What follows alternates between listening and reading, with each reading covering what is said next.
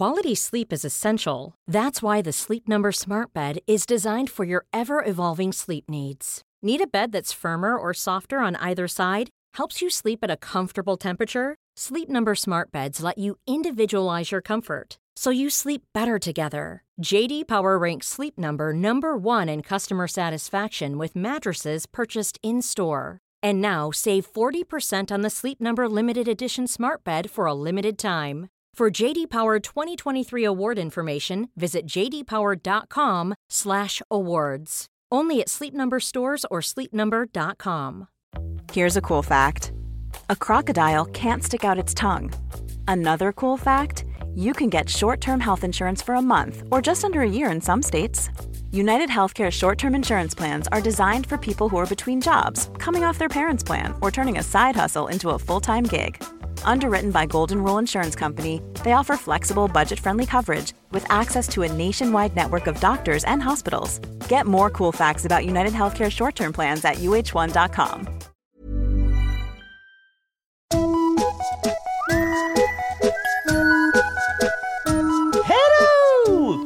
kids och välkomna tillbaka till podcasten Mina vännerboken. Just precis i detta nu så ligger livepodden från Stockholm med den eminenta fotbollsjournalisten Therese Strömberg ute på Patreon-sidan. Alla ni som är patrons får med andra ord höra det här först av alla.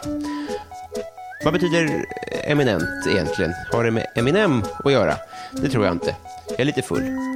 På tal om Patrons, eh, vi har en ny femdollars den här veckan. Han heter Robin Lindgren och jag tror att vi kan anta att han är skogens konung.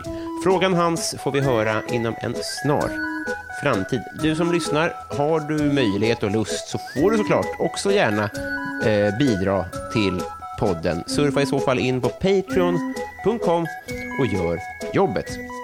Tack på förhand.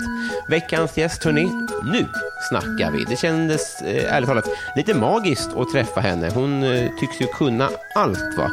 Fruktansvärt rolig. Alla gillar henne. Så är det bara. Vår tids Kajsa Warg eller något. Återigen, jag är lite full. Hämta ungarna nu, därför att 105 sidan i Mina vänner-boken Lotta Lundgren.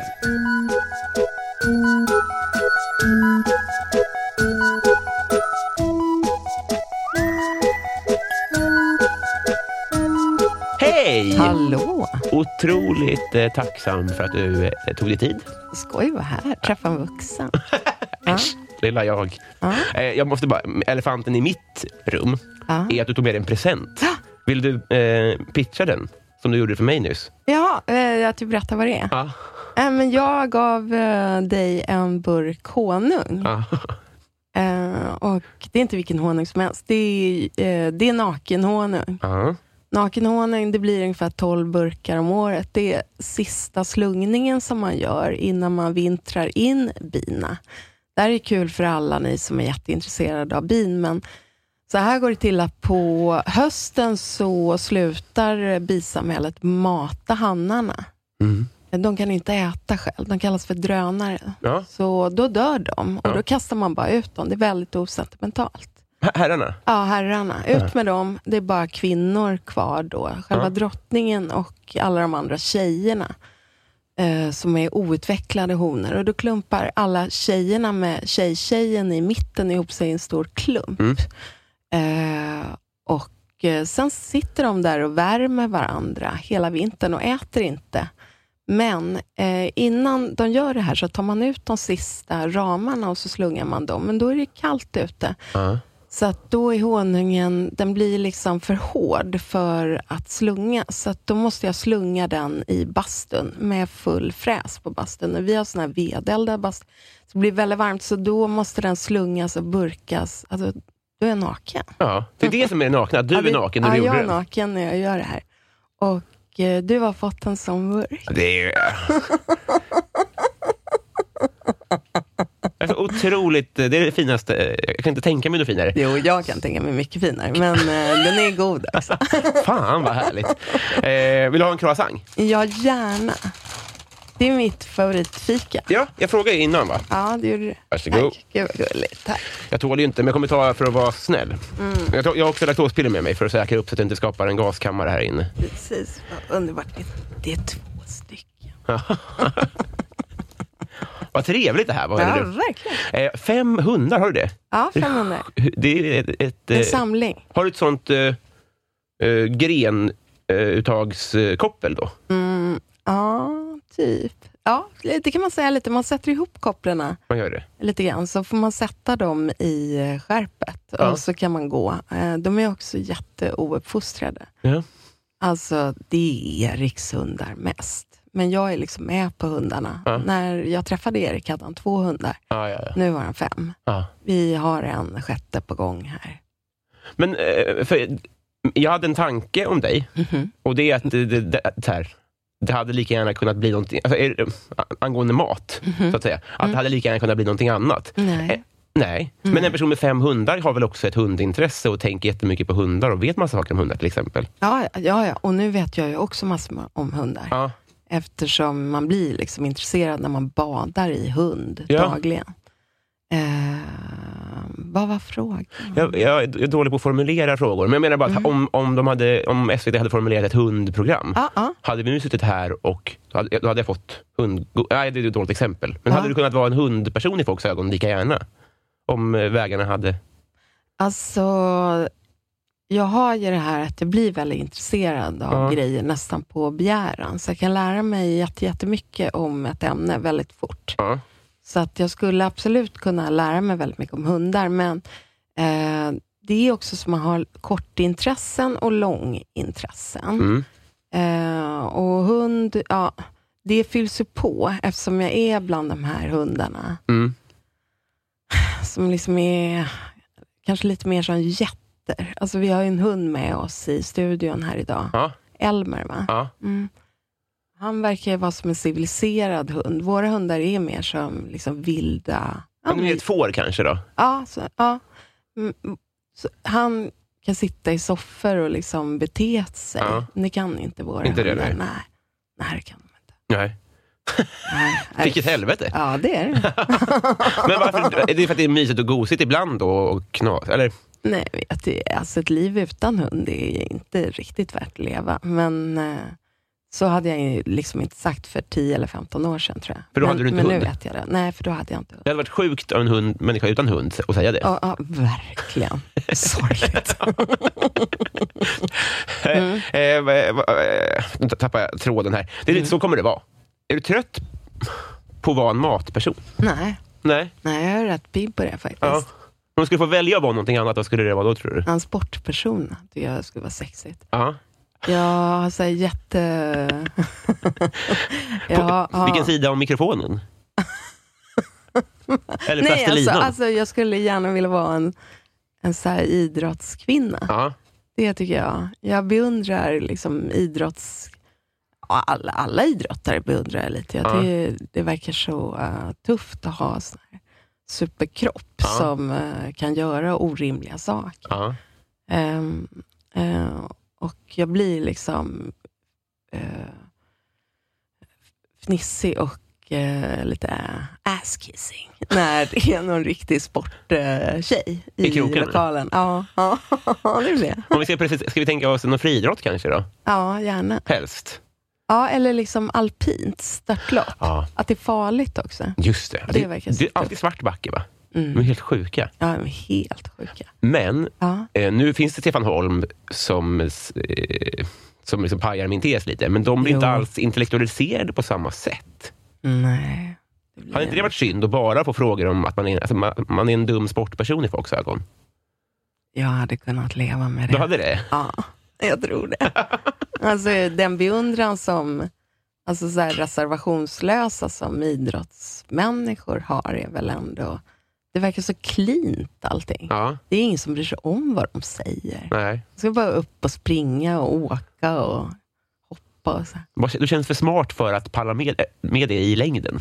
Ja, men nu vill jag säga en grej Ja. om de idrottsmänniskor som jag träffat på elitnivå. Ja. Att de har varit sådana sanslösa högpresterare på alla nivåer. Ja. Att de har också haft liksom högsta betyg i allt, ever. Eh, och haft sporten. Och det betvivlar jag inte. Tvärtom Nej. tycker jag bara att de får inte, det finns inte utrymme att svara på de frågorna förrän de är med i På spåret sen. Just det. Mm. Ja, ja. Ingen supertes kanske. Men, jag Men vet- intressant. Ja, kul. Ja, tänkvärt. tänkvärt. Åh, be, be, eh, Mhm. tänka här nu, eh, så jag inte tappar eh, tråden fler gånger. Jag gör så här, jag, jag ger laktospillerna en ordentlig search först. Gör det. Mm. Jag blev så himla tagen, för det var en kvinna som blev eh, gripen för eh, inte hade ett biljett på vägen hit. Så Nej, eh, jag blev så ledsen för det. Där var Ja, de. Fan, det är tråkigt att se. Mm. Där. Ja, men för det, är så, det är förnedrande. Ja, det är så förnedrande. Kan man inte sköta det där lite vackrare? Mm. Kan inte det hända alla människor, att man inte har biljett? Eller att det liksom... Det hände en kompis till mig häromdagen, att eh, på något sätt hade hans eh, SL-kort programmerats om, så att han åkte rabatterat. Ja. Eh, när han hade fyllt på sin reskassa så hade den föregående personen inte loggat ut eller någonting. Ja. Och då skulle han få så här jätteböter under tråkiga former. Ja. Man kan väl bara, hallå, alla är med i samhället. Ja. Vi försöker kämpa på så gott vi kan. Det är inte superkriminellt att råka åka på rabatterat pris. Eller liksom bara inte av stress hit, hitta sitt busskort när, just när de kommer. Att vara så nervös då. Och så man ser i blicken på de här blåa människorna, Ja. att de, är så, de vill inte det här heller. Nej, ingen vill det. Det är tråkigt för alla. Ja. Ja, vi får börja om eh, på noll, känner jag. Ja, Eh, nu tar jag en eh, croissant. ja nu tar vi lite. Mm. Så här är det, va? Mm. Det är gott, är det. Man är lite kall kanske. Mm, jättegod. Mm. Mm. Mm. Mm. Affärsidén, Mm. på vilken den här podden vilar, Mhm. Det är att vi ska bli kompisar. Mm. Hur är du som kompis, tror du? Inte frånvarande. inte för mig. Nej, inte just nu. Alltså, ehm, jag är väldigt bra på att vara bästis. Ja. Jag är dålig på att vara bekant. Ja. Uh, bästisarna eh, och jag, Mm. de är inte så många då, Nej. Eh, har det toppen. Ja. Ja, och de bekanta, där tycker jag det vilar liksom ett moln av besvikelse över att jag är så svår att eh, få träffa. ja, just det. Mm. Men det har lite med mitt liv att göra. Jag lever liksom ett jättekonstigt dubbelliv. Att jag bor varannan vecka när mina barn går i skolan Mm. här i Stockholm. Mm. Eh, Så, så bor vi i Midsommarkransen och sen så fort på fredagen när det är klart, då åker vi till iväg liksom 7-8 mil till en ö i skärgården som heter Mörkö och där bor Erik. Ja, du har varannan vecka Mm. också. Det är inte Mm-mm. bara barnen då? Mm, nej, jag är också som en, varann, jag är som en skilsmässounge som eh, byter, åker fram och tillbaka. Jag har aldrig hört någon Nej. göra. Vad intressant. Mhm. Ja, och, det, och det gör då att om man ska vara din kompis så får man... Ja, antingen får man ju liksom vara på Mörkö väldigt nära och det, det kan jag säga, det är det ingen som är. Nej, Det bor nästan ingen där. nej, Vi har inga grannar. nej. Men vad är fördelen med mörker då? Uh, ja, det är liksom en hyggligt vacker plats. Ja. Ehm, det är, ligger mitt i ingenstans. Ja. Ehm, det är bara himmel och skog och så lite vatten där framme och åkrar runt. Och eh, Man mår bra där. Man får vara i fred. Är du ledig? Nej, du jobbar Ja, därifrån Jag jobbar hemifrån då. Jag förstår. Jag jobbar med såna skrivgrejer då, så att då kan jag sitta där och skriva lite. Fast, fast mest är det väl att jag är ute och fixar med något liksom utanför huset. Bidamer, typ? Eller? Ja, bi, bina, hönsen. Har du höns också? Ja, massor. Vem sköter dem när du är i stan? Erik. Ah, det är så. Han är där permanent såklart. Ja, Ja. Erik är som, eh, bara som en djurskötare. Ja. Det jobbar han som. Jaha, Nästan på heltid. otroligt. Mhm. Och så kommer du dit och, och avlastar med barnen då varannan vecka. Ja, då kommer jag dit med mina barn. Sen Mm. har ju han barn också. Vi har ju sex barn. Och fem hundar Ja, och massa höns. tio höns och eh, 40 000 bin. 40 000 bin, ja. Mm. Herregud. Ja, herregud. Och då förstår jag att det dessutom är svårt, även om ni hade varit där permanent, svårt att klämma in eh, bekanta Ja, men det är ju som att man är eh, omgiven av bekanta. Mm. Det är ju liksom folk och djur överallt. Så, så att man är ju liksom självförsörjande på sällskap, den saken är ju klar. Ja. Eh, så, så att då blir, men då blir man, det är liksom, det är svårt att få träffa mig, för att när jag är hemma, då är, vill ju jag, då är jag med barnen på kvällarna. Såklart, ja. Och då har jag kanske inte träffat dem på några dagar, så då är jag jätteintensiv med dem. ja. Så, så att, eh, men om, all, om alla bara håller ut, så är ju mina barn numera liksom 12 och 13 år gamla och det är väl en, en eh, tidsfråga innan de eh, förlorar intresset för att vara med mig. ja. Så då kommer jag ju vara jätteintresserad av att umgås med folk Ja. jag i stan. Jag, jag längtar då. Jag Aha. får hålla ut. Ja, ja. Eh, vad, är- vad är det du jobbar med för något? Får jag fråga det? Mm. Är det hemligt? Nej, det är inget hemligt. Jag jobbar just nu med en tv-serie. Ja. Eh, och sen så jobbar jag med en bok. Jaha. Eh, ja. eh, som kommer väl ut om nästa höst eller någonting sånt där. Matrelaterad? Ja, det är matrelaterat. Kokboks... Ja, det är en sorts kokbok. Vad kan säga? Ja, det, det är det faktiskt.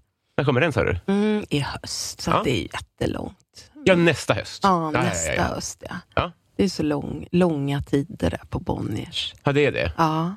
Får du gå på deras middagar och grejer? Mm. Fan, vad coolt. Mm, jag pratade med Fredrik Lindström och då sa han så att hans förläggare liksom aldrig fjäskade och uppvaktade honom någonting. Då tänker jag så här, nu har det blivit helt fel. Ja. Så. Men jag har en riktig förläggare på Bonniers, Ja. en som har varit med forever, Ja. som heter Sara Nyström. Ha henne, grattis er. Hon, Ulf Lundell är, det är Wow. hans förläggare också. Ja, ja, hon har alla. Eh, som man är svinnyfiken på. Ja. Och hon tar ut den på luncher och hon ringer och hon liksom tar hand om en och duttar med en. När man har sådär kriser och så i sitt Ja. skrivande. Det är ungefär när man skrivit 60 procent av en bok så vill man börja skriva en annan bok Ah, istället. ja, Då har ja. hon varit med om det 3000 gånger, så då bara vallar hon en igenom sånt. Ja. Proffs alltså. Mhm. ja. Eh, vi, vi, jag kommer komma på massa eh, frågor det lider. Men nu, Mm. nu kommer jag att dra i, gingen, i tråden av jingel och så kommer vi åka in i den flumride av vänskap eh, som väntar. Can't wait.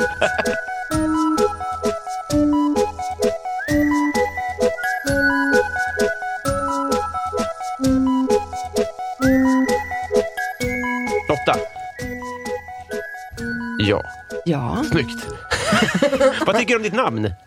Eh, mitt namn. Eh, Lotta tycker jag är ett jättebra namn. Mm. Det är ett opretentiöst enkelt namn. Det är inget, man behöver inte leva upp till något särskilt. Mm. Man heter Lotta. Nej. Utan det, det uppskattar jag verkligen. Skulle aldrig byta det. Lundgren tycker jag är världens sämsta. Ett av Sveriges sämsta namn. Jaha, vad Det, tråkigt. ja, det, det, det är... Och om man tänker efter så är det nästan alltid... Om det fanns en riktig idiot i klassen man gick i Ja, på högstadiet och sådär, då hette ju den Lundgren. men det var så? va? Men var det du som var... Nej, Nej. Nej det var det inte. Nej, det var det inte, men vi hade en till i min klass. Jaha. Ja, vi var två. ja. Eh, Jag hette Bergqvist eh, från början Mm. när jag var liten, men jag bytte bort det för jag har ju sån där talfel, så jag läspar ju ganska mycket. Och det var värre när jag var liten. Ja. Var det så- därför du bytte? Ja.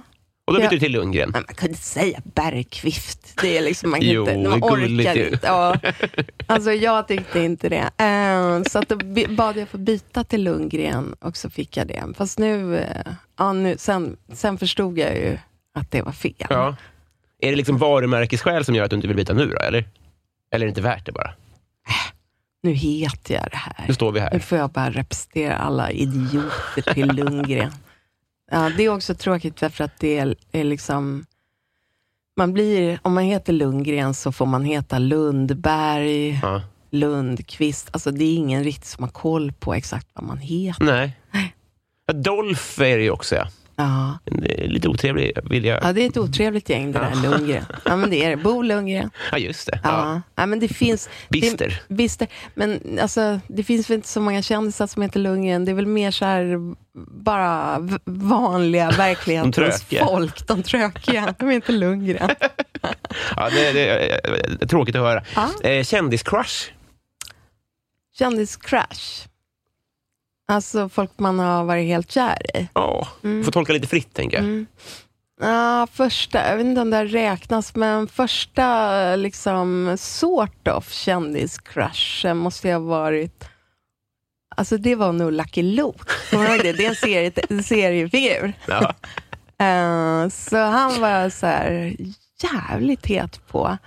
Eh, och överhuvudtaget har jag nog haft så här svaghet för tecknade killar. Ja. Eh, även han, han var ju han var väldigt snygg. Kommer du ihåg Knallhatten? Vet du vad det är? Nej, men Jag blir glad när jag hör det. Ja, men googla det. Ja. Han är så liksom svin snygg. Jag tänker, det måste ju vara när man är liten tjej, att man är liksom lite feg för att gå på en riktig kille, så man satsar på en tecknad kille. är så det himla är fint. liksom ganska safe. Men jag hade faktiskt en upplevelse av det eh, när barnen var små, så kom det där tillbaka, för då ha, kollade de, då hade vi Shrek på DVD. Mm. Och eh, det är ju sådär, man har småbarn, jag jag hade barn så här supertätt också. Ja. Så att man var ju bara hemma och den enda killen som pågick var Shrek. Ja. Och då blev jag liksom som man... Han liksom pirrade till. Det har ingen sagt förut. Han är liksom en sexy, sexy figur. Ja. På riktigt tycker jag det. Men det, eh, om vi ska ta eh, riktiga... Sen hade jag... Alltså nu får vi hoppa tillbaka i tiden då. eh, jag var nog väldigt förtjust i, eh, vad heter han, Roy Scheider. Han spelar polisen i Hajen. Han tyckte fruktansvärt Aha. snygg som barn. Ja. Alltså fruktansvärt snygg. Ja. Sådär så att olidligt snygg, så man inte kunde sluta tänka på honom. Och sen så, eh, lite senare, har jag varit ohyggligt förtjust i Jeff Goldblum. ja, just det. Ja. Flugan. Ah, jag vet, Ja. och det sjuka är, jag tror att det eskalerade med flugan. Ja. För han har en kort period innan han blir så bubblig och vidrig, Ja. så är han liksom bara lite flugan, men ganska mycket kille. Och där är han så fruktansvärt het. Så det var starkt. Ja. Det, det var liksom så mer starkt än man vill lära känna. Sen gillade jag också Chevy Chase. Han Ja. är tydligen riktigt svin. Stämmer det? Uff. Eh, det låter troligt. Han är Ja. känd man. Ja, men han var jag så här råsugen på efter Fletch. Ja, just det. Så han var stark för mig. Och sen så på äldre, på äldre dagar har jag också svärmat, liksom, eller fått stark känsla för Louis CK. ja, just det. Ja, att, liksom, att han eh, berör mig Ja. liksom, på något sätt, sådär, så att jag känner mig träffad av honom. Det här är ett, eh, du vet, godkvälls middagsbord där. Ja, Jag ska se det samtalet. Det är ett gäng. ja Lucky Luke, Shrek, Chevy Chase, Chevy Chase, Goldblum, Knallhatten. Knallhatten, Roy Schreider och eh, ja, Det, Louis CK. Det här vill man se. Ja, det är vilket jävla gött har han. Supersnuskigt. Ja, riktigt snuskigt. Eh, vad ska du göra med skattad miljon? Jag skulle sätta solceller på Eriks lada faktiskt. Aha. Han klagar så mycket över att han har så höga elräkningar. Vad skulle du göra med skattad mero- miljon? Eh, Amortera tyvärr. Om man inte får göra det så skulle jag eh, ha en 30-årsfest. Tror jag. Mm, mm, mm. Det hade varit kul. Men amortera är jättebra. Mm, Jag vet, men det är ett tråkigt svar bara. Nej, varje gång du amorterar så stjäl du pengar från banken. Oh, oh. Du vet, ditt lån är ju, det är så banken skapar pengar Ja. ur ingenting. Varje gång en människa tar ett lån så tillverkas de pengarna av banken. Mm. Och varje gång eh, du sätter in pengar så har du en fordring på banken. Så att jag skulle säga att det är det mest anarkistiska du kan hitta på med en miljon. Det är att amortera. Det är hett. Det är riktigt hett. Kommer jag göra det idag då? Ja, gör det. Vilken, vilken eh, pepp! Ja. Eh, jag blir så jävla glad. Mm. Eh, hittills, Mhm. Peak Life. Alltså, ja. det måste ha varit när man fick bröst. Var det över en natt? Lite grann? Ja, på riktigt var det så. Eh, ja, som jag minns det så var det liksom över en natt. Vi hade liksom inte speglar hemma Nähä. eh, när jag var liten. Och de vi hade satt, satt ganska, de var små och satt högt upp, så det var svårt att följa den där utvecklingen. Men som jag upplevde det så fick jag, jag är lite sent utvecklad tror jag. Så att det var som att eh, alla andra fick. Det Mm. såg man ju i gympan, Mm. men själv så var, gick det väldigt långsamt. Ja. Eh, men jag minns, det var liksom jättestarkt för mig att jag ändå tyckte det verkade ha blivit någonting när man tittar ner. Mm. Så då sa jag till min lill- lillsyrra, jag ska, jag ska fan prova mammas bh. Och då skrattade hon så hånfullt. Haha, det gör det. Men så vill hon ändå hänga med. Och så satte jag på, på med den. Och då fyllde jag liksom nästan ut den. Alltså det var lite skrynkligt, men ändå att det var något. Ah. Och vi bara skrek. Nej. Jo, vi bara skrek. Det var otroligt starkt. Eh, andra peak life var nog när jag flyttade hemifrån. Ja. Jag var 20 ungefär. Ah, Det är att jag minns det som en helt otroligt liksom stark, magisk period nästan Aha. i livet. Att man hade ett eget, en egen lägenhet. Mm. Eh, I Göteborg hade jag då en liten tvåa på 50 kvadrat. Ja. Inte i centrala Göteborg, men ändå liksom en riktig lägenhet. Ehm, och att det var berusande. Ah. Så jag, jag, liksom, jag blir ledsen när jag tänker på unga människor som har svårt att skaffa eget boende, för den där perioden är så speciell i en människas liv. Ja. Liksom, att man frigör sig från ursprungsfamiljen och hittar sina egna konturer och, och börjar liksom bestämma vad gillar jag och hur vill jag ha det. Mm.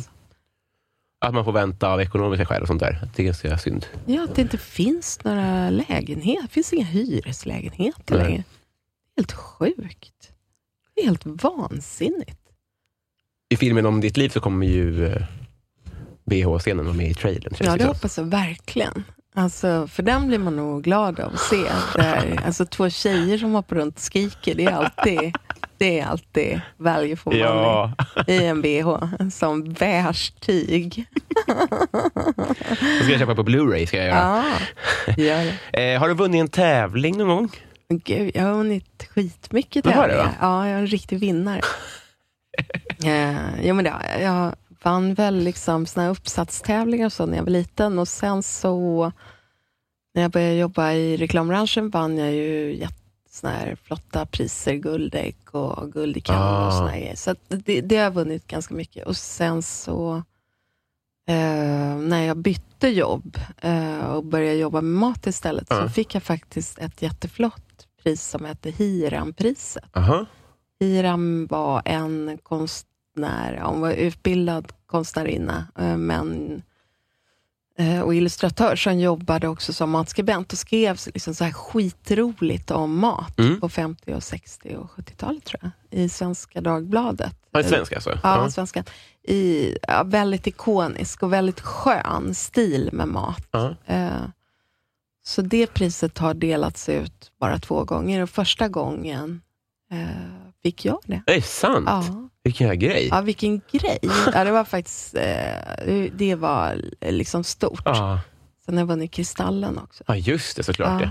Ja. Vad heter det, har du gjort någon reklamkampanj som man kan känna till så här i efterhand? Du vet, det var så länge sedan så jag kan inte tro att någon minns det. Är inte det? Nej, men reklam är ju... Det är vad det är. Liksom. Man skriver i sand. Det försvinner väldigt fort. Det, nej, jag tror inte jag har jobbat med ja, Dagens Nyheter, Amnesty, men det liksom, jag tror inte att det är... Det är nog inte så att ni... Nej, jag tror inte Nej. att ni kan minnas det faktiskt. Men så här, Lotto-Åke och Iprenman, där, vissa grejer har ju verkligen överlevt ändå. Mm. Men det är väl de två grejerna? Kanske bara Är det inte bara de Jag två? vet inte. Alltså, det blev inte så mycket mer. Nej, det var Och då de. snackar vi om en period på vad då? 30 år? Det är ju det. Lotta-Åke är väl 30 år Ja. gammalt ungefär. Nej, du har nog rätt. Det, var, Ja. det, var, det, det råkade vara eh, bra sand. Ja. Men jag jobbade på den byrån som gjorde Lotta-Åke-reklamen då. Men det var en stor jävla grej, Ja. att man kunde göra reklam sådär. Ah. Men det är kul. Någonstans det ju, det är ju så med alla konstnärliga uttryck, att du har någonting som plötsligt fäster vid tidsandan, Mm. som kommer helt rätt. Mm. Och det där med att hålla på och joxa med chefen, och vara, vara liksom, det måste ju ha slagit an Så mänskligt på något en, sätt. sån, en ton då, Mm. ja. Att man kunde göra det, att det var revolt i det. Mm. Det blev så starkt för, tydligen för dig också. Aha. Ja, som inte var född, eller? Ja, knappt. Eller Ja. jo, det måste jag... 30 år sedan kan det inte ha varit. Nej, inte riktigt då. Men 20-25 säkert. Alltså, du måste vara en liten Ja. pojke. Ja. Var du ett gulligt barn? ja, det var jag. Ja, det kan jag tänka mig. Så sket det sig. Ja. Eh, Vem får du ofta höra att du är lik? Eh, Mick Jagger. Eh, ja, du skrattar. Du skrattar. Du är så glad. Ja, men eh, jag... Om jag jobbar jätte, jättemycket och sover jätte, jättelite och glömmer att äta under en period av ungefär en vecka, tio dagar så, där, så blir jag tärd. Ja. Och då blir jag faktiskt skrämmande lik Mick Jagger, fast med annat, bättre hår. Ja.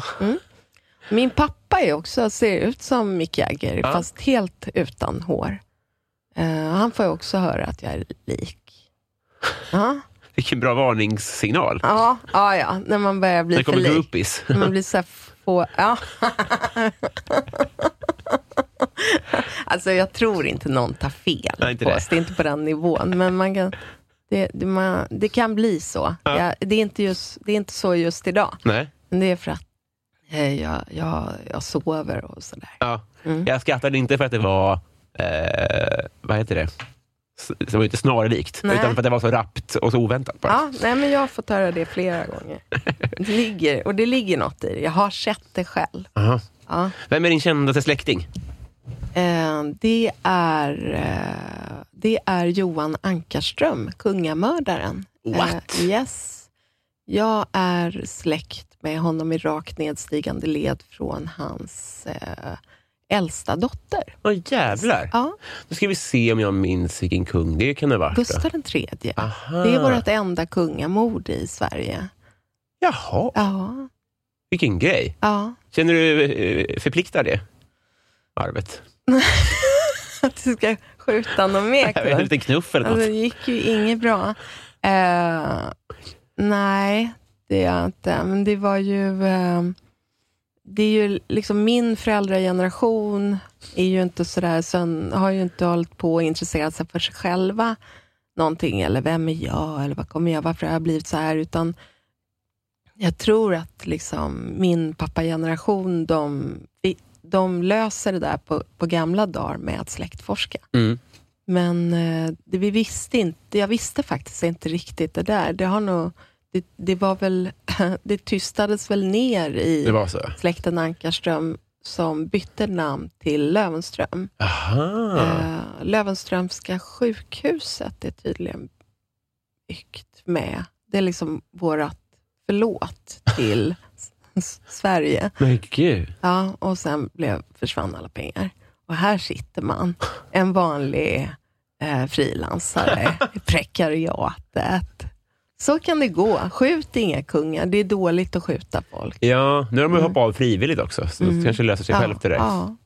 Eh, men jag tänker så här, nu, nu kan, du, kan du ditt kungahus? Ganska dåligt du. För jag tänker att... För, Nuvarande tänker du på. ja, men, nej, men, jag, ja, ja, för mig har det nästan varit så att när, när ni har lärt en om mat och sånt där, Ja, ja, att ja. det har fungerat som kungar för mig. För att Ja, folk använder kungar som en, som en tidslinje. Mm. Det hjälper inte för mig, för de är så lika och heter samma sak. Ja, jag vet bara Karl och, och, och Gustav och Johan och sånt där. Nej, Ja. jag tycker kungar är helt värdelöst som tidslinje. Jag Ja. tycker mat är mycket liksom, starkare för en. Det är så, Så va? att det är verkligen så. Så att det, har, det tycker jag har varit ett... Eh, nu pratar vi om mitt tv-program Historieätarna. Just det. Det har varit ett utmärkt sätt att knyta upp eh, historien och eh, utvecklingen på, tycker jag. Ja.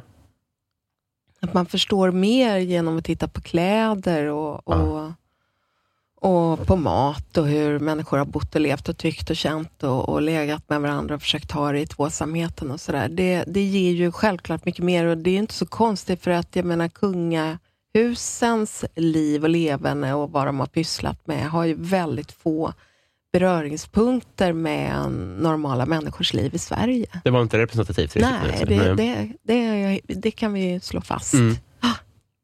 Ja, det... eh, Ja. Eh, pa- Men tack, vad kul. Jag blir glad när, jag, när du säger Ja. så. Ja. Eh, Det, det var inte menat, menat som... Jo, det är klart det var som beröm, men det var inte menat som fjäsk. Eh, paradrätt. Paradrätt? Ja. Nej, men jag har inga Har du inte paradrätter. Nej, det kan man inte. Nej, men... Eh, med risk för att låta så här supersjälvgod, men Mm. jag kan laga all mat. Ja. Jag kan laga all mat som jag kan tänka ut. Mm. Eller all mat som jag kan... Så jag, kan, jag har...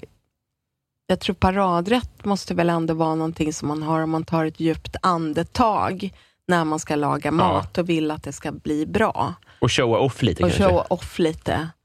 Så att eh, det har ju inte jag, utan jag, jag lagar ju, om du ska äta hemma hos mig, Mm.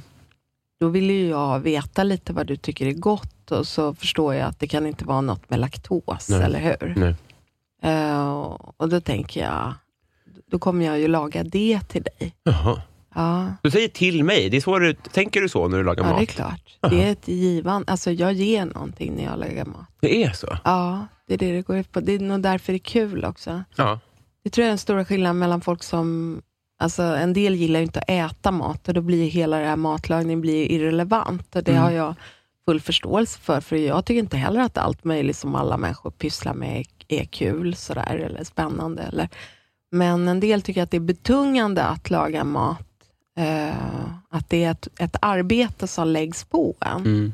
Eh, men då, om man kan prova liksom perspektivet, eh, jag ger detta därför att detta är någonting jag har att ge andra Ja. människor. Då blir det väldigt, för mig i alla fall, så blir det glädjerikt. Ja. Liksom.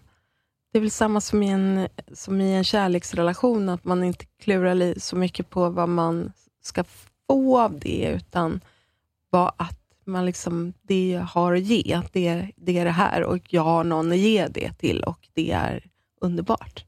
Just det. Ja, det är faktiskt underbart. Jag har nog aldrig Mm. tänkt så. Har du inte? Eller inte som... Inte som jo, man kanske... Jag vill inte formulera det så i alla fall. ja, men alltså, Man gör kanske det ändå. Kärlekskänslor är ju en väldigt intern angelägenhet. Det är ju någonting som pågår i dig. Mm. Det är ju egentligen ingenting som någon annan... Alltså om vi säger att du och jag var jättekära. Ja. Om du var kär i mig Ja. och jag är kär i dig. Då kan ju inte jag känna det du känner. Det är ju någonting som du håller på med helt självständigt Ja. egentligen. Eh, så då tänker jag, du, då ska ju du bara vara tacksam för att du får känna de känslorna och har då någon att rikta dem till. Ja. Och det är mig. Ja. Du har det och tack vare att jag finns så får du ge det till mig. Mm. Sen är ditt jobb att uttrycka det och mitt jobb är att uttrycka det för dig. ja, just det. Och sen, det är det, som, det är det vi får. Vi får, vi ger, vi får genom att ge. Oj, vad präktigt. Nej. Jag tyckte det var... Det var, det var... Så Det, det, är ju, eh, det är ju så som det är. Det är ju så som det är. Men man vill inte ihop med någon för att få en för att få grejer. Liksom. Jag hoppas inte det. Nej, jag hoppas inte det. Mm. Vad, är, vad är det alla andra älskar, vilket är helt jävla obegripligt? Paj, det är fan helt obegriplig eh, maträtt. Ja. Men ost är väl gott? Tycker inte folk det? Alltså, Det är väl ostbaserat, vilket folk gillar? Alltså paj verkar ju vara vad som helst man tröttar ner i ett pajskal bara. Det är ofta någon liksom ganska svennig röra med ägg. Just det. Och folk är tokiga i paj. Mm. Eh, och det... eh, jag tycker sällan har så mycket mat förfelat sitt syfte som inom de här pajskalen. Det är så... Liksom hela grejen med paj är fel. Paj måste vara en sån där maträtt som är påhittad av människor som inte vill ge andra människor Ja. mat egentligen. Ja. Då gör man den där kaka-grejen runt och sen slänger man ner något skit i mitten och sen gräddar man det och sen ställer man pajen på något ställe och så säger man så här, ni kan ta lite paj. Så tråkigt. Ja. Finns det ingen kärlek i paj? Det, det finns ju äppelpaj. Just det. Den är ju, har ju en särställning ändå. Ja. Eh, I en riktigt god äppelpaj Ja. så kan det finnas eh, himla mycket eh, För den någonting. flätar man ju och grejer. Det finns väl lite kärlek det är, i? det, det är något med, med äppelpaj, men de andra så här, matpajar, det tycker jag är, det får ni, det får ni sluta Ja. med. Får jag slänga med hela, kräft, hela kräftbiten? Nej, inte det. Alltså du tänker på västerbottenpaj. Jag vill, jag vill skippa hela högtiden. Vad Lustigt att du säger. Jag är för Quality sleep is essential. That's why the Sleep Number Smart Bed is designed for your ever evolving sleep needs. Need a bed that's firmer or softer on either side? Helps you sleep at a comfortable temperature? Sleep Number Smart Beds let you individualize your comfort so you sleep better together. JD Power ranks Sleep Number number 1 in customer satisfaction with mattresses purchased in-store. And now save 40% on the Sleep Number limited edition Smart Bed for a limited time. For JD Power 2023 award information, visit jdpower.com/awards. Only at Sleep Number stores or sleepnumber.com. A lot can happen in three years, like a chatbot may be your new best friend. But what won't change? Needing health insurance. United Healthcare Tri Term Medical Plans, underwritten by Golden Rule Insurance Company, offer flexible, budget friendly coverage that lasts nearly three years in some states. Learn more at uh1.com. för alla högtider, men jag är ingen kräftlover. Nej. Man blir bara jättefull Ja. och sen känner man sig helt skyldig dagen på. Ja. Har du det när du har druckit? För det har jag att jag känner mig liksom full av skuld hela Ja. dagen sen. Och så man luktar äckligt och det, fin- det Ja. finns många ovärdiga detaljer i det. det är ovärdigt. Det är, det, är liksom, det är väldigt vackra djur. Alltså Ja. det, för att vara mat är det ohyggligt vackert. Ja. Väldigt fotografik. Men eh, De som äter är inte så vackra. Med sina papphattar och kladdiga fingrar. nej.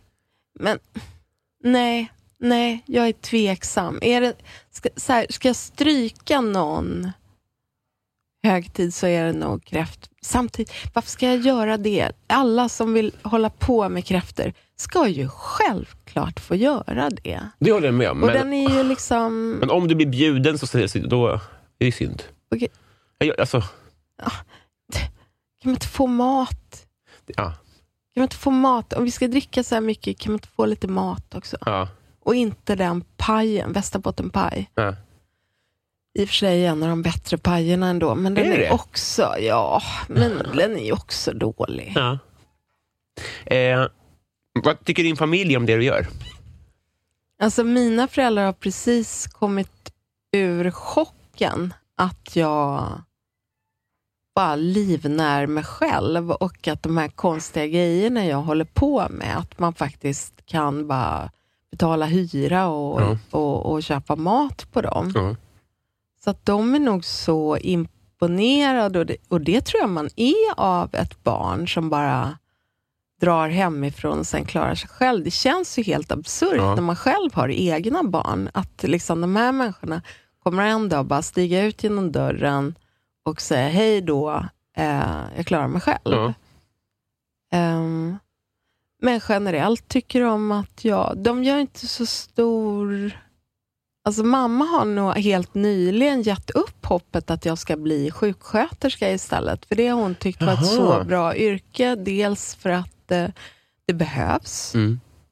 Eh, och dels för att hon har tänkt sig att jag skulle vara bra på det. Hon, Ja. säger, hon tycker jag är bra med människor. Ja. Och bra med gamla och sådär. Och Mm. bra, ganska bra med ungar. Och. Eh, så det tyckte hon nog skulle ha passat bättre. Det Löwenströmska arvet. Ja, hon är ju inte från den delen av släkten, utan mamma är arbetsförmedlare. Så att hon vet vilka yrken man ska ha. Ja. Och sjuksköterska är ett sånt yrke som en människa ska... Hon har alltså jobbat som arbetsförmedlare och yrkesvägledare och när hon tittar på mig så ser hon en klock, klockren sjuksköterska. Har hon rätt i det? Ja, ja, ja, ja, lite har hon väl det. Lite har hon väl det. Men... Eh, Du hade inte gjort bort dig. vad sa Du du? hade inte gjort bort dig. Nej, Nej. nej. jag hade nog funkat bra som det. Men det blev inte så. Det blev inte så. Nej. Nu är det, nu är det lite sent. Va? Alltså, kanske. Det hade varit coolt också. Bytte jämt. Jag, tror, jag tror att det är ganska lång utbildning. Mm. Och jag tänker, jag jobbar ju ändå i grund och botten med mat. Och Mm. Det är ju också ett ganska stadigt yrke. Ja. Det är också något som i någon utsträckning behövs. Ja. Eh, kanske inte på det, på det där sättet som jag håller på med, och gör tv-program av det, eller gör reklam av det. Det är väl två onödiga uttryckssätt, men på något sätt skulle jag nog kunna jobba med mat alltid. Mm. Jag har tänkt ofta att jag skulle köpa en food truck. Jaha, Mm. vad trevligt. Ja, trevligt. Vad ska det vara för inriktning? Eh, alltså alla inriktningar. Ja. Jag byter ju det, jag byter ju rätter hela tiden. Ja, Ja, det är ny Så- jalusi ja. på torsdagen. Så. alltså nu är det ny mat. Ja. Vad trevligt. Ah. Det är inte heller för sent. Nej, det är det inte. Nej. men det, det tänker jag så här, det kommer bli. Det kommer bli, ja. Det kommer nog bli. Är det så, ser du lite i framtiden att det kommer bli mer sånt? Eller? Ja, det tror jag. Otroligt. Att jag liksom skulle laga mer, eh, alltså fysiskt laga mer mat. Ja. Att det skulle vara min arbetsdag. Ja. Ja, men det, det tänker jag nog att det är nog där, det är nog dit jag är på väg Ja. på ett eller annat sätt. Men gör du tv om fem år, tror du? Om du får bestämma. Gud, vilken bra fråga. Jag kan inte tänka mig det. Nej.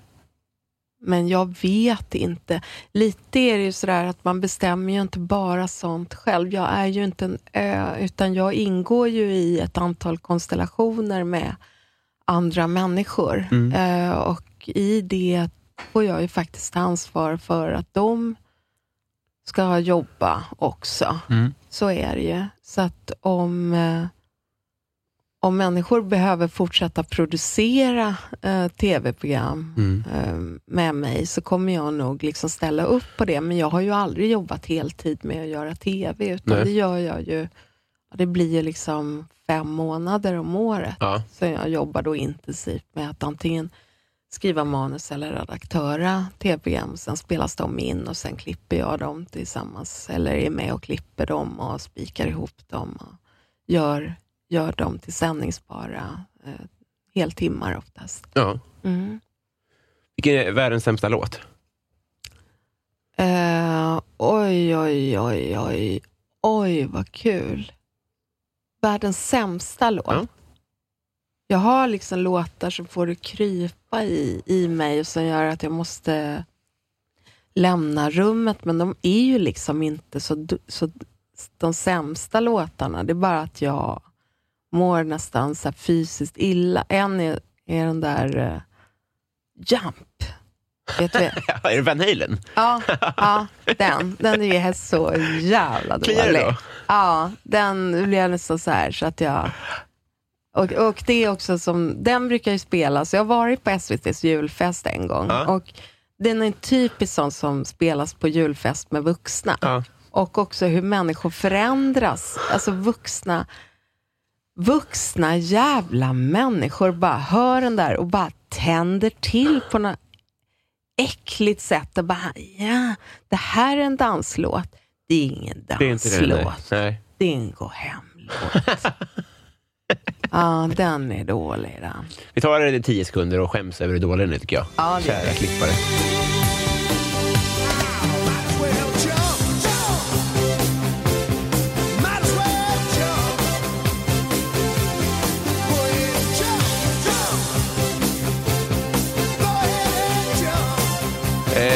Har du varit i Rom med alpin?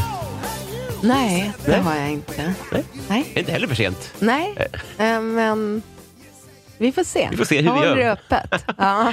Eh, vi har kommit fram till Patreon-frågorna. Är det sant? Jajamensan. En helt ny jingel har gjorts här till det här också. Så Oj. nu är det, ja, svindlande. Ja. Ska vi, vi drar igång helt enkelt? Ja. Patreon. Robert Wallin, Robert, hallå. han har tuppkam, eller har haft, jag kommer inte riktigt ihåg. Snyggt. Ja, det är stiligt. Är det? Ja. Eh, undrar, eh, favoritfilm när du var liten? Eh, alltså hur liten då? Då får välja tror jag. Ja, men det, det måste ju ha varit Hajen, den första med Roy Ja. Schneider. Scheider heter det inte Schneider. Eh, den har jag sett ofattbart många gånger. Sen har jag sett Alien också ofattbart många gånger. Alltså- Klassiker i bibliotek. Ja. Sen, men den, det konstiga är att den film jag sett allra mest, men jag menar, det är, här är ju inte bra att säga. Men vi säger, alltså, frågan är ju inte vilken är världens bästa film, utan det är ju favoritfilm. Mm. Den film jag sett mest gånger är ju Jagad med Harrison Ford. Okej. Och den såg jag liksom under eh, en period då jag liksom, tror jag hade liksom, 30-årskris och inte mådde så jävla bra. Ja. Då brukade jag dra på den för att jag tyckte att han var så duktig. ja, men har du sett. Jagan med Harrison Ford? Nej, men det är så här, han, eh, det, det kommer någon idiot och slår ihjäl hans fru som han gillar jättemycket. Ja. Dumt. Dumt. Sen blir han själv anklagad för det mordet. Ja. Det är ju inte han som har gjort det. Sen lyckas han rymma ur fångtransporten, helt obegripligt. Och sen bara flyr han, byter utseende, går in på sjukhus, jobbar som läkare. Han är så fiffig. Han bara löser, det kom så helt ofattbart jobbiga grejer. Det var så jobbigt. Den Ja. borde heta Jäktad med Harrison Ford. För han är verkligen, han har det så stressigt. Ja. Och han bara löser det. Och det finns, var, måste ha funnits någonting i den filmen som liksom talade så starkt till mig så att den hade liksom en ångestdämpande effekt. Ja. För den såg jag, den kunde jag liksom se, det var väl då när jag jobbade på reklambyrå och jag var liksom inte ihop med någon. Eh, så man var kan ibland lite, om man jobbar lite för mycket eh, och hatar att gå ut, jag hatar ju tyvärr att gå ut. Ja, fest gå ut då. Ja, det är det värsta jag vet. Eh, så kan det ju bli lite ensamt, ja, men då, då åkte den på. Alltså Ja. pinsamt många gånger. Ja. Vad fint ändå. Ja. Med lite perspektiv. Ja. Jag, jag blir sugen på den, måste jag säga. Mm, Daniel Melin undrar så här då, mest kontroversiella åsikt? Daniel. Ja, bra fråga. Eh, nej, det är väl att det här med könsroller, är det inte lite mysigt ändå? jag menar, ja, men, kan det inte det vara lite sexigt? Så eh, helt ärligt, jag, jag förstår ju allt det dåliga med könsroller och så. Jag kan ju min historia och jag vet ju var det där kommer ifrån, men samtidigt eh, man kan ju hjälpas åt med mycket, men sen tänker jag när man går och lägger sig på kvällen, då vill man inte gå och lägga sig med liksom, sin tjejkompis, Nej. om du fattar vad jag menar. Då är det ju kul Ja. att en är lite starkare och en är inte det, Ja. till exempel. Eller kanonsvar. Jag är jätteglad att ja, du, du Ja. tolkar den rätt, tycker jag. Ja, Sen behöver man inte hålla med, men det är så den här frågan ska funka. Ja, men hoppas, det, Robert va? Eh, eh, eh, Daniel. Daniel, Daniel. Ja. Hoppas Daniel blir nöjd och känner att det där var lite tänkvärt. Övertygad om. Eh, podcasten Värvet undrar, Mm. eller eh, ber dig att berätta något om dina päron. Om mina föräldrar? Ja. Ehm, mm, mm, Ja, de är rätt roliga typer faktiskt. De är bara 20 år äldre än jag. Aha. Eh, och eh, inte gifta. Mm. Det, det har liksom gjort så otroligt starkt intryck på mig. Undrar om inte jag berättat det i podcasten Värvet. Men eh, jag, jag tycker ändå att om jag ska berätta något om mina föräldrar så är det att när jag frågade dem varför de inte var gifta, Mm. eh, och då sa eh, min pappa hade ett svar som var så här, det här mellan mig och Berit, det ska inte samhället och kyrkan lägga sig i. Och det var hans svar. Det var tydligt och bra. Ja. Det är ett väldigt bra svar.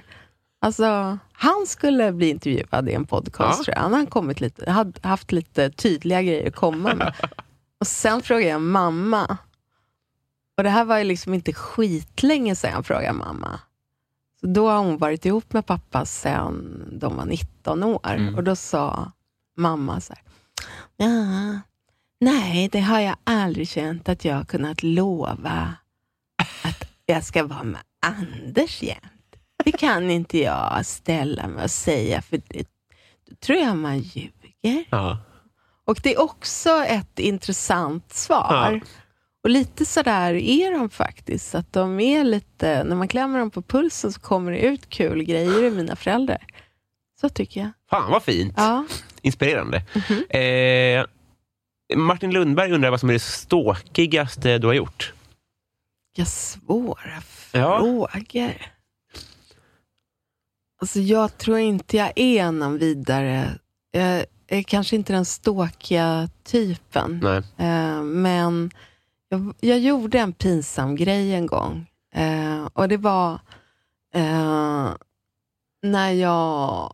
det var väl efter något sånt där företagsgig Ja. och man var helt slut som människa och också hade lyckats eh, få ett, eh, en öl eller någonting sånt där. Då smsade jag till Liv Strömquist som precis då hade eh, då hade jag hört, då hade jag liksom, hon, hon hade precis gjort något program med Horace Engdahl, kommer Just du ihåg det. Ja, det det. Och då hade jag tittat på det och så hade jag känt så starkt och intensivt att fan, vad är det här för program? Ska de gå här? De blir filmade, deras ryggar hela tiden. Hon är fantastisk. Hon skulle få göra ett bra tv-program, inte när de filmar hennes rygg när hon går på någon gata i, i Rom. Så jag, då, då så smsade jag henne lite, lite full och, och föreslog att vi skulle göra något tv-program. Det- Och det tyckte jag var pinsamt gjort. Jag beundrar henne jättemycket. Jag tycker hon är helt otrolig faktiskt. Jag också. Varför var Ja. hon då? Ja, men, diplomatiskt och snällt eftersom hon är, en, tror jag, eh, det är min känsla, en, en, en varm och god och förstående människa. Ja. Lite, nej, jag, jag, vågar, jag har raderat för det var så pinsamt. Det var så pi- pinsamt. Alltså hålla på och smsa med en människa som inte ens jobbar med tv. Nej, men, åh, åh, Låt det bli av. ja, Ändå. så, nej, nej, lämna henne i fred. Hon har viktigare saker för sig. Ja. Men jättefint. Eh, Sundsvallsbonan, eller Bönan heter hon såklart. Det är bara på internet hon heter Bonan. Eh, undrar favoritbrottsling. Ehm, ja, jag gillar inte kriminella Nej. något vidare faktiskt. Jag, det, så det här är ju en fruktansvärt krånglig fråga. Eh, jag är liksom uppvuxen i en ganska trasig, deppig förort. Många av människor omkring mig i min ålder och sådär blev kriminella. Mm. Och några av dem, säkert ganska många, är döda idag. Mm.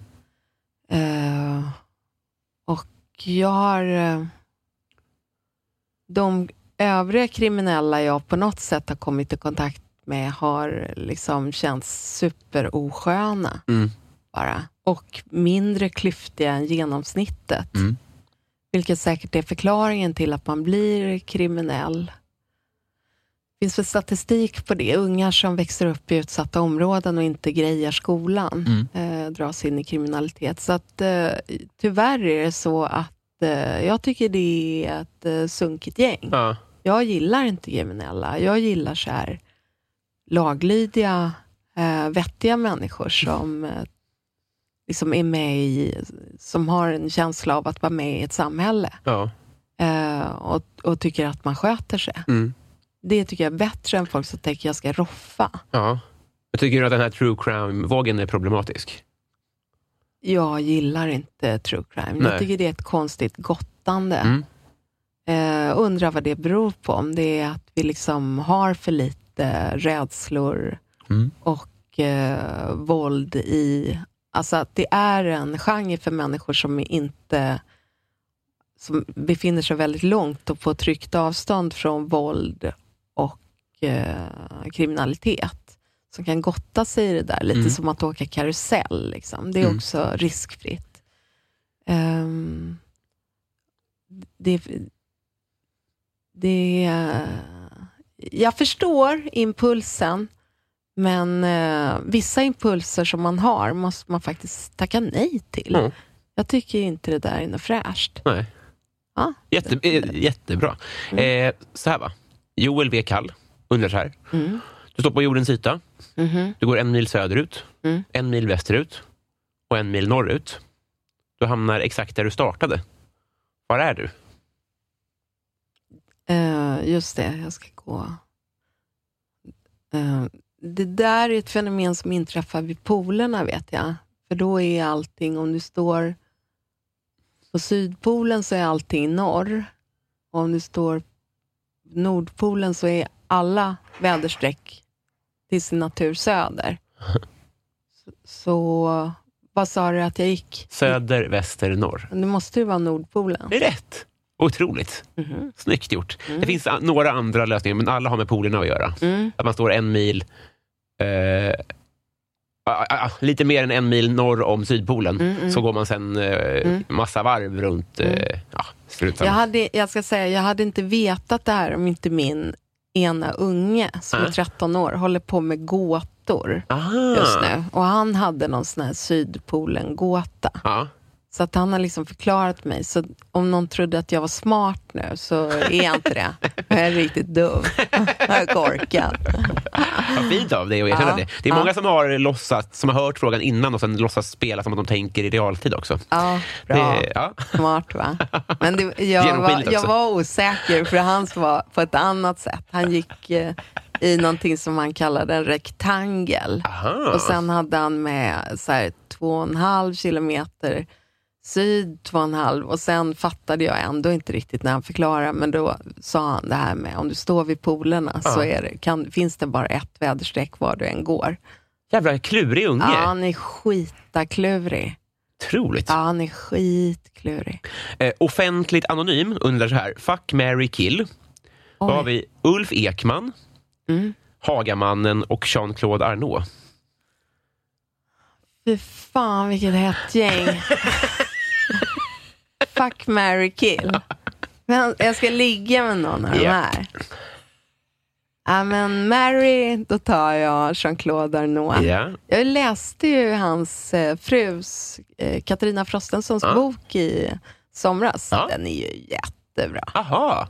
Ja, alltså den är ju så intressant för att man tänker hela tiden på allt hon inte skriver om. Ja, ja, ja. Det, det, är sak, det är sådana intressanta luckor. En del blir illa berörda av den. Jag, jag tyckte att den var en läsfest. Ja. Hon skriver, hon skriver helt otroligt, Hon människa. Ja, hon skriver underbart. Det är utsökt. Och de går liksom bara på utställningar. De går på en utställning varje dag och sen är det liksom eh, Sen är det bara konserter, sen är det in och gå in och titta på någon vacker kyrka och försjunka i ett konstverk och sådär. Och då tänker jag, ja, det är väl, alltså nu sitter han väl i fängelse då. Jag såg honom på tåg, tror jag. Ja, men han får komma ut. Ja, Det är skönt, då kan Ja. han börja gå på utställningar igen. ja just det. Men alltså som jag fattar det som så var han urskön att vara gift med. Ja. Han var ju bara inte lika skön att så att Inte vara säga gift. dejta.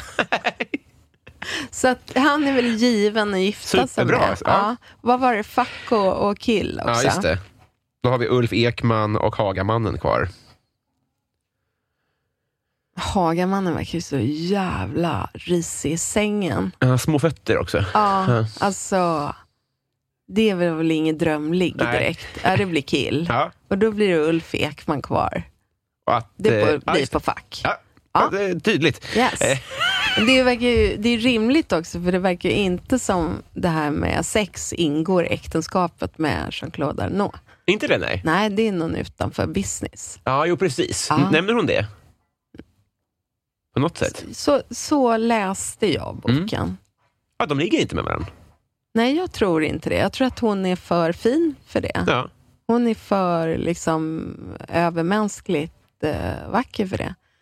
Det var faktiskt en sorg att läsa den boken, därför att det är så tydligt att det är, och hon i alla fall, går så starkt in för att leva ett utsökt liv. Ja. Alltså hon bär så kultur i sig Ja. och att hon dras in i den här totala skitstormen som Ja. bara aldrig slutar. Nej. Att det är som det är som att hon hamnar i helvetet. Mm. Det är det mest uttänkta helvetet för just henne. Ja. Det var... Jag, jag säger inte att... Jag tar inte någon ställning Nej. i det här. Det är bara människor är med om hemska saker. Och hon uppenbarligen Och då har varit- menar du metoo-vågen, Ja, inte så att säga de här grejerna som har pågått i många år. nej, det men- var inte helvetet du beskrev nu då? Nej, jag tror att av, det är väl avslöjandet Ja, eh, med Matilda Gustafsson, heter hon Andersson? Eh, Matilda Den, Ma- Den Matildas artikel och sen Ja. liksom efterspelet och Svenska Akademin och allt där. Det är liksom inte... Det är, det är verkligen som man, man har klurat ut ett privat helvete åt henne Ja. och så ska hon genomlida det. Ja. Väldigt speciellt. Jag blir väldigt sugen på att läsa den här. Ja, läs den, den är hemskt bra. Shots och tjena tjena. Mhm. Undrar, betraktar du dig själv som vuxen? Oh ja, Ja. absolut. Alltid gjort, nästan. Eller? Eh, nej, alltså inte när jag var barn. Nej. Men uh, du tänker att jag verkar lillgammal. Nej, men du var så själv, självklar i ditt svar. ja. Nej men verkligen en vuxen människa. Ja. Ja, det, det skulle jag absolut säga. Ser du någon tröskel eh, när du inte... När, var du flyttade hemifrån? Eller du vet så här... Ja, men riktigt vuxen blir man nog inte. Alltså man blir så småvuxen när man flyttar hemifrån och börjar tjäna egna pengar och klarar sig själv. Eh, det gick ju ganska fort för min del. Men sen blir man ju vuxen på allvar när man får egna barn. Ja, ja, ja. Då, då är det så. Mm. Och eh, det är underbart. ja. Det är liksom, det är så, så kul. Mm. Det är så, så gött att Ja. vara vuxen. Det är faktiskt goals att vara det. Det är det alltså. Det är helt toppen. Ja. Det är helt toppen.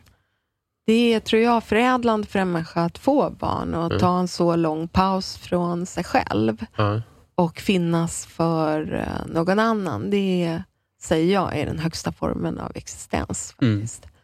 Jag, tycker det, är to- ja, jag tycker det är så kul. Sen fick jag två egna barn och sen fick jag fyra till. Ja. Alltså det är, det är som motsatsen till Katarina Frostensons game. Att jag fick bara mer barn. ja. Jätte, jättefina barn. Vad ja, kul! Ja, jag har en flock. Det är lyxigt. Flera nästan. Med hundarna och allt sånt där också. Ja, de är också som barn som aldrig blir stora. Eh, nu kommer ni, eh, Nisse, han undrar så här då. Det här är en ny fråga. Rockbandet von Restorff eller psykologen Helga von Restorff? Ja, det är, det är it's a tricky one. Det är två riktigt goa val. Jag har ingen Ja. aning om vilka det här är. Nej, jag blir råsugen på båda. Men eh,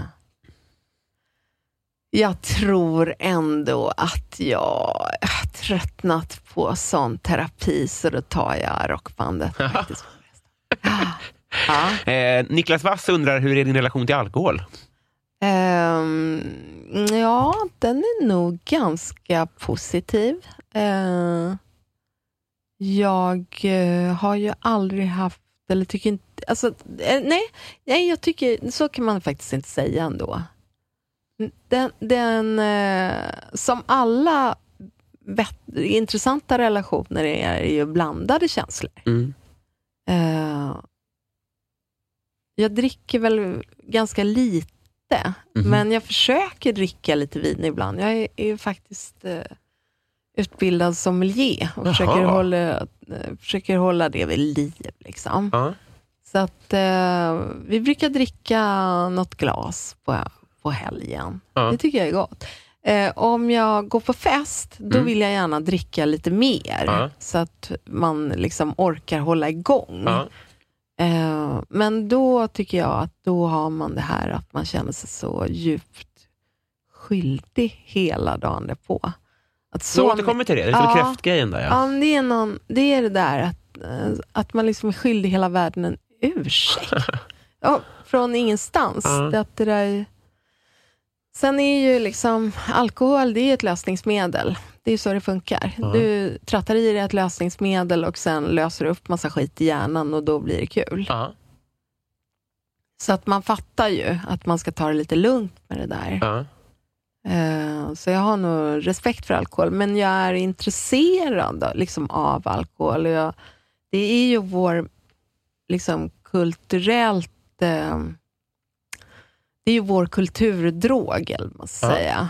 Eh, så jag tycker ändå att den verkar vara lättast att handskas med. Och jag är inte intresserad av några andra droger. Håller inte på med det och tar inte det och vågar inte det och är faktiskt jätterädd för det. Ja. Så jag skulle säga, av alla droger är ju absolut alkohol då min favorit. Ja.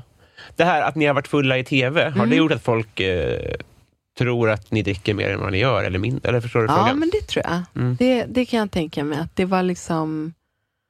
Eh, och det var ju egentligen bara att vi drack så mycket som man skulle dricka.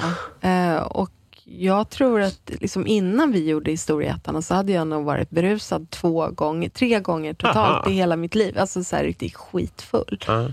Eh, och sen bara lyckas vi bli det var och varannat program. Gärna på dagtid också. Men jag tycker att det är en annan grej. Att där, det, var ju, det var ju folkbildning som Ja. vi höll på med där. Det var ju faktiskt Ja. det. Och kolla lite hur man blir av en stor, stor rejäl snaps direkt på morgonen. Det var ju också kul. Ja. Ehm, men, ja. Vet inte vad jag ska säga mer. Det var jättebra. Ja. Eh, Karlstad Comedy Club undrar Mm. om till exempel standupklubben Karlstad Comedy Club skulle komma på idén att utnyttja den här frågan bara för att på ett kostnadseffektivt sätt sprida varumärket Karlstad Comedy. Skulle det då vara A. Genialisk marknadsföring av Karlstad Comedy eller B. Mest upplevas som lite pajigt och sunkigt av Karlstad Comedy? Nej, jag tror att det är jättebra. Bra gjort, eh, Karlstad Comedy. Och det måste jag väl ändå kunna säga med viss trovärdighet som gammal reklamare. Ja. Där tycker jag Karlstad Comedy eh, gjorde rätt. Sen, sen kan man ju säga att det Karlstad Comedy missar, det är att det är ju en sak att tjata in ett varumärke bara genom att säga Karlstad Comedy jättemånga gånger. Man Ja. måste också fylla det kanske med någonting. Ja, just det. Ja, Om så du skulle, skulle, du, skulle du omformulera frågan då? Eller? För det är det fönstret som finns här. Nej, men det är nog ett lite djupare, det är nog ett lite djupare arbete för Karlstad Comedy. Men eh, vi, nu vet vi att Karlstad Comedy finns Ja, och det är en bra början. Så att nu har de ju något litet golv att stå på. ja just det. Ja. Nu väntar vi på en Lotto-Åke. Mhm. Eh, Fredrik Nyström undrar modern lager eller modern ytterback?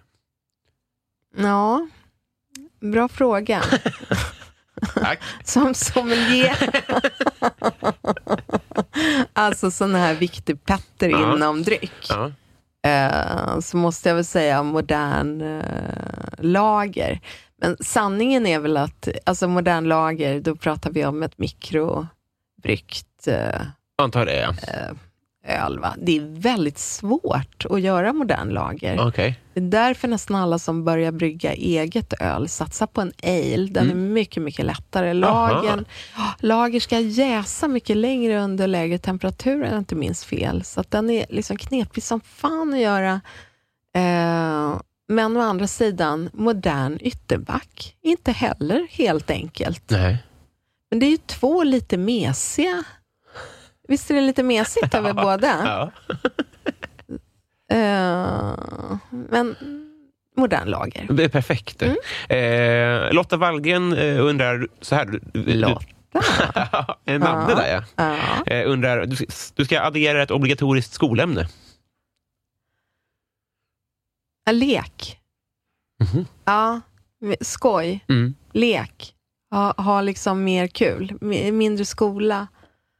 Eh, mer något väldigt fritt. Alltså Mm. om man kunde göra som ett akademiskt ämne nästan av lek. Ja. Och få folk att jobba med fantasi och skoj och lek.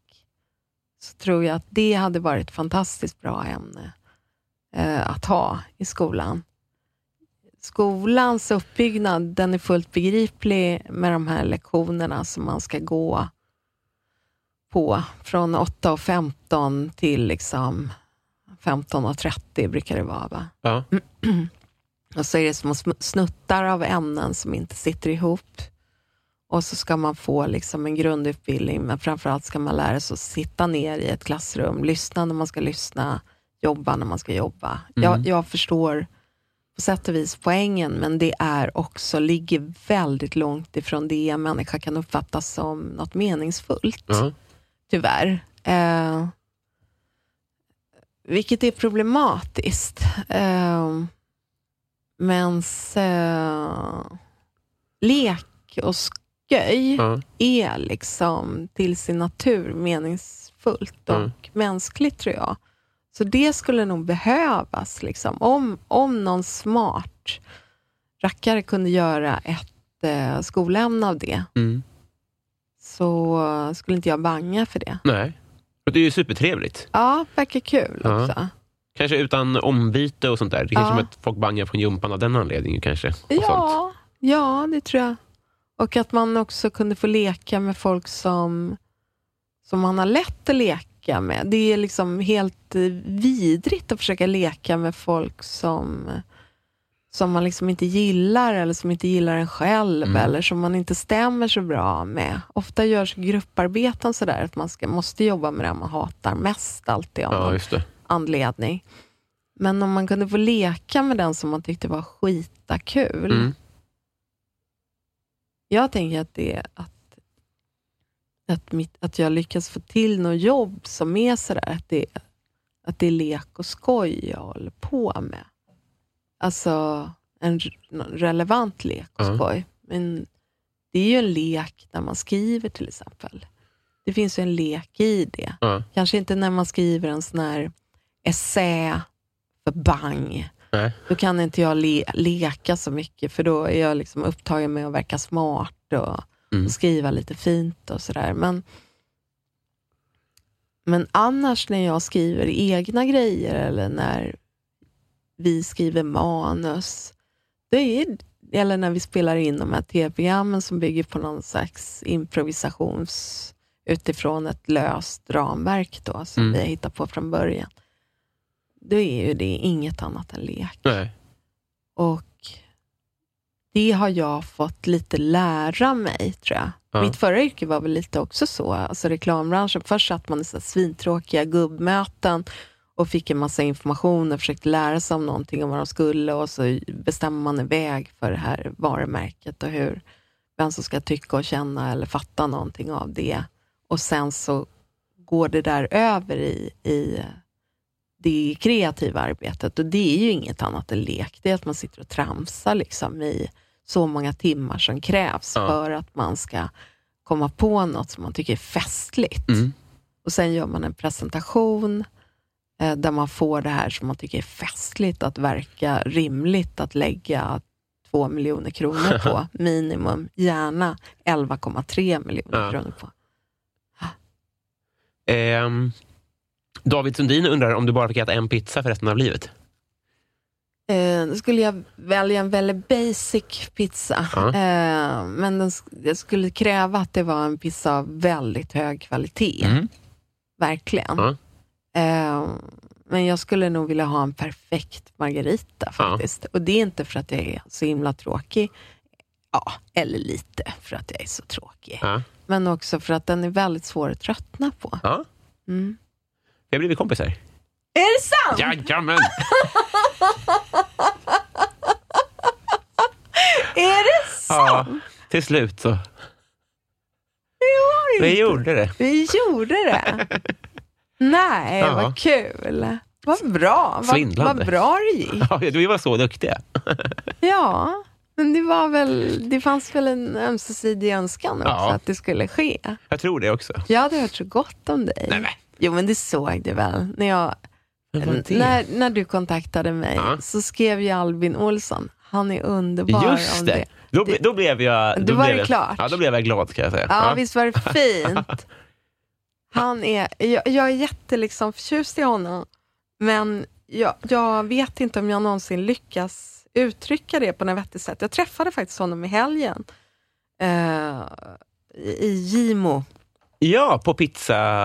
Nej, Nej, inte hos David. hos David ja. ja.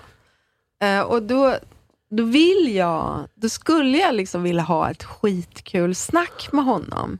Men, den, men det går inte. Inte det? Formen håller inte för det. Alltså här, slags fest där man bara vinglar omkring och tänker jag borde gå på toa eller Ja. skulle jag gå hem eller hur mycket jag har druckit egentligen. Och, eh, men eh, han gillar jag. Ja. Han är rar. Det är han verkligen. Det är han. Han är från Göteborg Ja. också. Varifrån är du? Eh, Järfälla. Järfälla? Ja. Mm, mm, mm, mm. Ja. Eh, det var så trevligt det här. Ja. Eh, vill du, är det någonting, nå- något slutord? Vill du göra reklam för någonting eller så? Nej, det vill jag faktiskt inte. Utan, eh, jag kör lite reklamfritt eh, just, just idag. Nej, men jag har inget som jag... Jag har inget som ni behöver köpa. Nej. Utan eh, det, det kan bara vara så här. Ja. Ja. Hoppas det, alla är nöjda med det. Alla är nog så otroligt nöjda. Mm. Tack snälla för att du tog dig tid. Nej men tack själv, det är jättefint och kul. Äsch. Ja, Trevlig eh, fortsatt vecka. tack snälla. Hej med dig. Hej!